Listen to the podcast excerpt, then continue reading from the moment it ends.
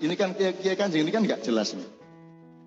Ibarat parpol iki ono Golkar, ono PDIP ini, ono P3 ini gak jelas mulane waktu pemilu wingi ya gak melok-melok wis. Gak jelas hari ini. Diarani Jawa ya iya tapi ya duduk, diarani Arab ya iya ya duduk. Karena kita ingin menciptakan konstruksi baru sejarah kita. Sekarang misalnya saya, mungkin Anda bukan arsitek langsung, tetapi kan Anda kawin sama arsitek di dalam mengerjakan apa pekerjaannya, betul nggak Pak? Bangunan ya. Upamane ini wis. Kenapa pasar gapensi kok naik loh? Uangku saiki ruwei sing ketok moto. Jadi bangunan makin lama akan makin dibangun orang. Sop wong gak ngerti sing sing sing gak ketok gak ngerti wong saiki. Sing jenenge maju ki nang duwe omah gedhe lah ngono sih. Sing jenenge sugih duwe gedung gedhe lah ngono sih.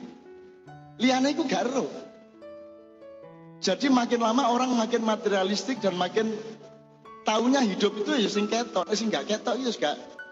Wong nek perlu iku sing penting gawe mobil masih nyewa. Gitu loh.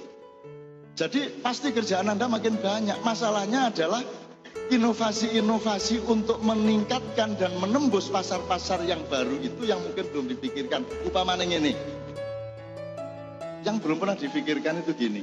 Orang tuh paling sing didelok, wah api omae, wah garis ini, wah warna ini, wah bentuk ini, wah iki arsitektur model iki, wah iki bangunannya kuat sapi turute. Tapi orang tidak pernah menawarkan konstruksi rizki.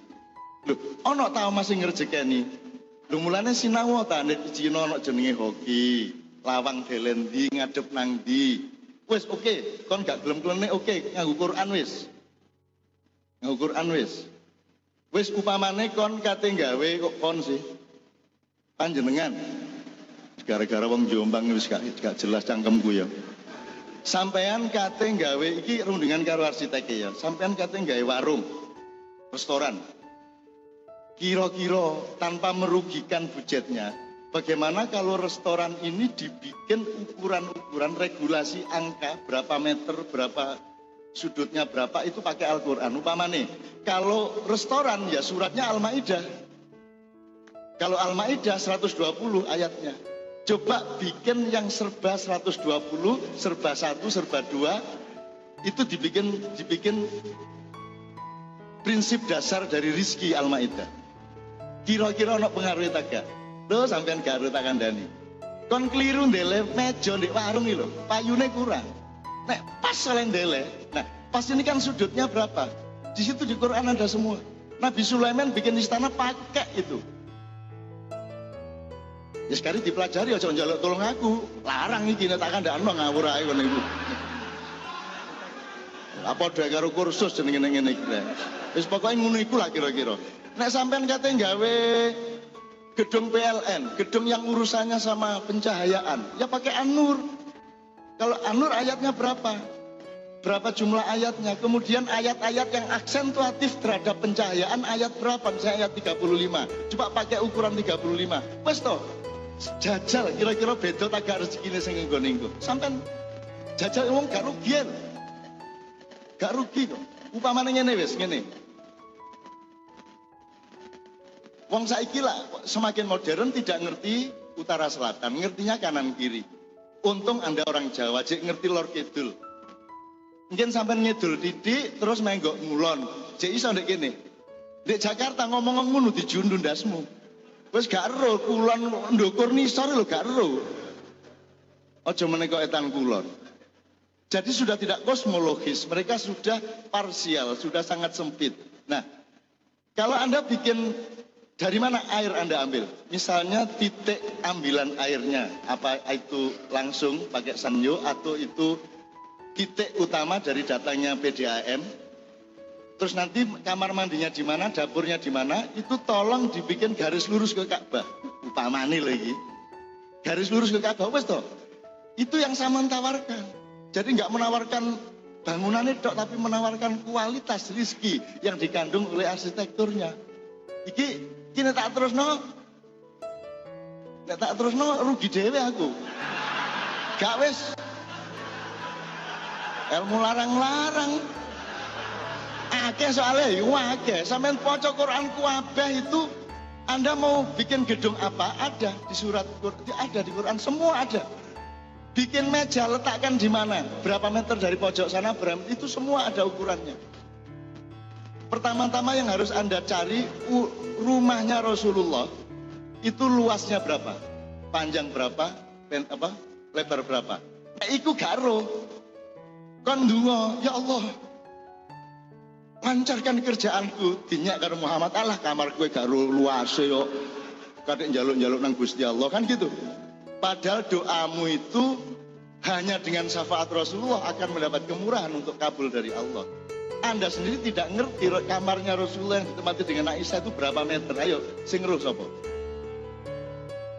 pinten Pak karena sebenarnya sampean lah ya apa gak tersinggung kan Nabi Kon niku sembayang bolak-balik nyebut jenengku, kamarku gak ero. Kon saenakmu dhewe gawe omah. Aku ki abit pinten, Mas? 89, temen. Sumbere apa? Sampai kan dosa liyane ya gak apa-apa. Gak apa-apa rek ya. Kamar yang sekarang sudah dihilangkan karena Arab Saudi ini disetir oleh Israel Inggris dan Amerika sehingga membuat cara berpikir dan mindset yang menghancurkan kebudayaan situs-situs dan sejarah Islam sendiri dihancurkan di Arab Saudi. Sampai sekarang puncaknya membuat plan B karena Arab Spring gagal mereka bikin ISIS dan seterusnya. Dan ISIS tidak laku di sini mergo kene ongkep ISIS ya apa ongkep koyo ngene ada nih ISIS ISIS ISIS gak payu nek kene ngono ya Ngomong apa aku mau tutup Jawa Timur ini? Kamarnya Rasulullah itu, itu itu semacam tempat kos di pinggir Masjid Nabawi sebelum diperluas seperti sekarang. Di situ ada kamarnya Rasulullah, kamarnya Ali dengan dengan Siti Fatimah dan ada kamar umum. Itu masing-masing yang punya Rasulullah luasnya panjangnya 8 meter, eh 8 meter pas. Eh 8 ya, 8 meter pas, lebarnya 6,2. Lebih sempit dari kamar mandi kita. Jadi saya setiap kali masuk kamar mandi minta maaf dulu ya untuk ngapunten ki. Ombo kamar gue jeding kula niku sepunten nggih. Sampean salah urip zaman biyen kula saat niki niki. Jadi saya minta maaf dulu, makanya Anda kalau berdoa sama Allah itu Allah sering ketawa. Kau niku pas oleh proyek gak eling aku. Bareng kangelan kon mempraktekkan proyekmu eling aku, ndonga nang aku. Gusti Allah lah apa kate ngabul-ngabul dapurmu. Wong kon biyen gak bismillah sik kok. Ngono Gusti Allah jane omongane kaya aku ngono iku asline. Malah kon gak krungu ae. Kon gak krungu, rumangsamu Gusti Allah feodal priayin ndak. Allah itu apa adanya. Tabat yada apilah api watab. Biasa Allah tidak kasar, tidak halus, ya gitu itu. Ya gitu itu. Irungnya wong wong Indonesia gak pesek, gak mancung, ya ngono iku irung, ya ngono iku. Oh jadi ngomong pesek ta mancung, gak. Ya ngono iku. Sing garai kon iku minder mergo kon duwe konsep nek ngono iku mancung, salahmu dhewe. Urip yang iku wedhus iki gak cilik dibanding kebo. Gak wedhus ya sak kebo iku Oh jadi dibanding-banding sing garai Kon susah iku mergo kok banding-banding no mangan tempe, atine mangkel karo tempe. Bayang no daging lak ngono ah. Nggih ta mboten? Nggih ta mboten? Lah ya iku oleh proyek cilik-cilikan mangkel karo sing hambalang-hambalang. Lah ngono sih, sing garai sing garai urip susah niku lak mergo sampean tidak apa adanya terhadap yang ada. Tapi ini tak terus larang naik. Gak bisa. Satu konstruksi lagu. Ini Bapak sekalian saya perkenalkan Niki Kanjeng dari Jogja, pimpinannya Mas Nevi Budianto, guru SMP Negeri 6 Yogyakarta. Saudara-saudara sekalian, kalau Anda orang di Kepulauan Nusantara, Anda harus yakin. Mungkin waktunya tidak terlalu cepat, tapi tidak ada bangsa di seluruh dunia yang memiliki keluasan, kekayaan, kedewasaan, ketangguhan yang kelak betul-betul akan menjadi rujukan dari seluruh bangsa di muka bumi. Wes, tak kayak contoh musik kayak kanjeng. Ya, ini musik gak jelas jazz duduk, keroncong duduk, tapi keroncong yoyo, jazz yoyo. Kita festival jazz di Itali, festival country di Itali. Kita Arab klasik di Mesir, lima provinsi. Kemarin kita membuka Indonesian Jazz Festival, dia kanjengnya membuka. Padahal potongannya lah guru ngaji di kampung toh. Tapi nak main jazz lumayan, merem pisan. Lho ya apa? Sapa gak bingung lho? Kok iso ya merem ngene arek-arek. Lho kan iku. Ana jine dhewe-dhewe arek-arek. Oke, Bismillahirrahmanirrahim.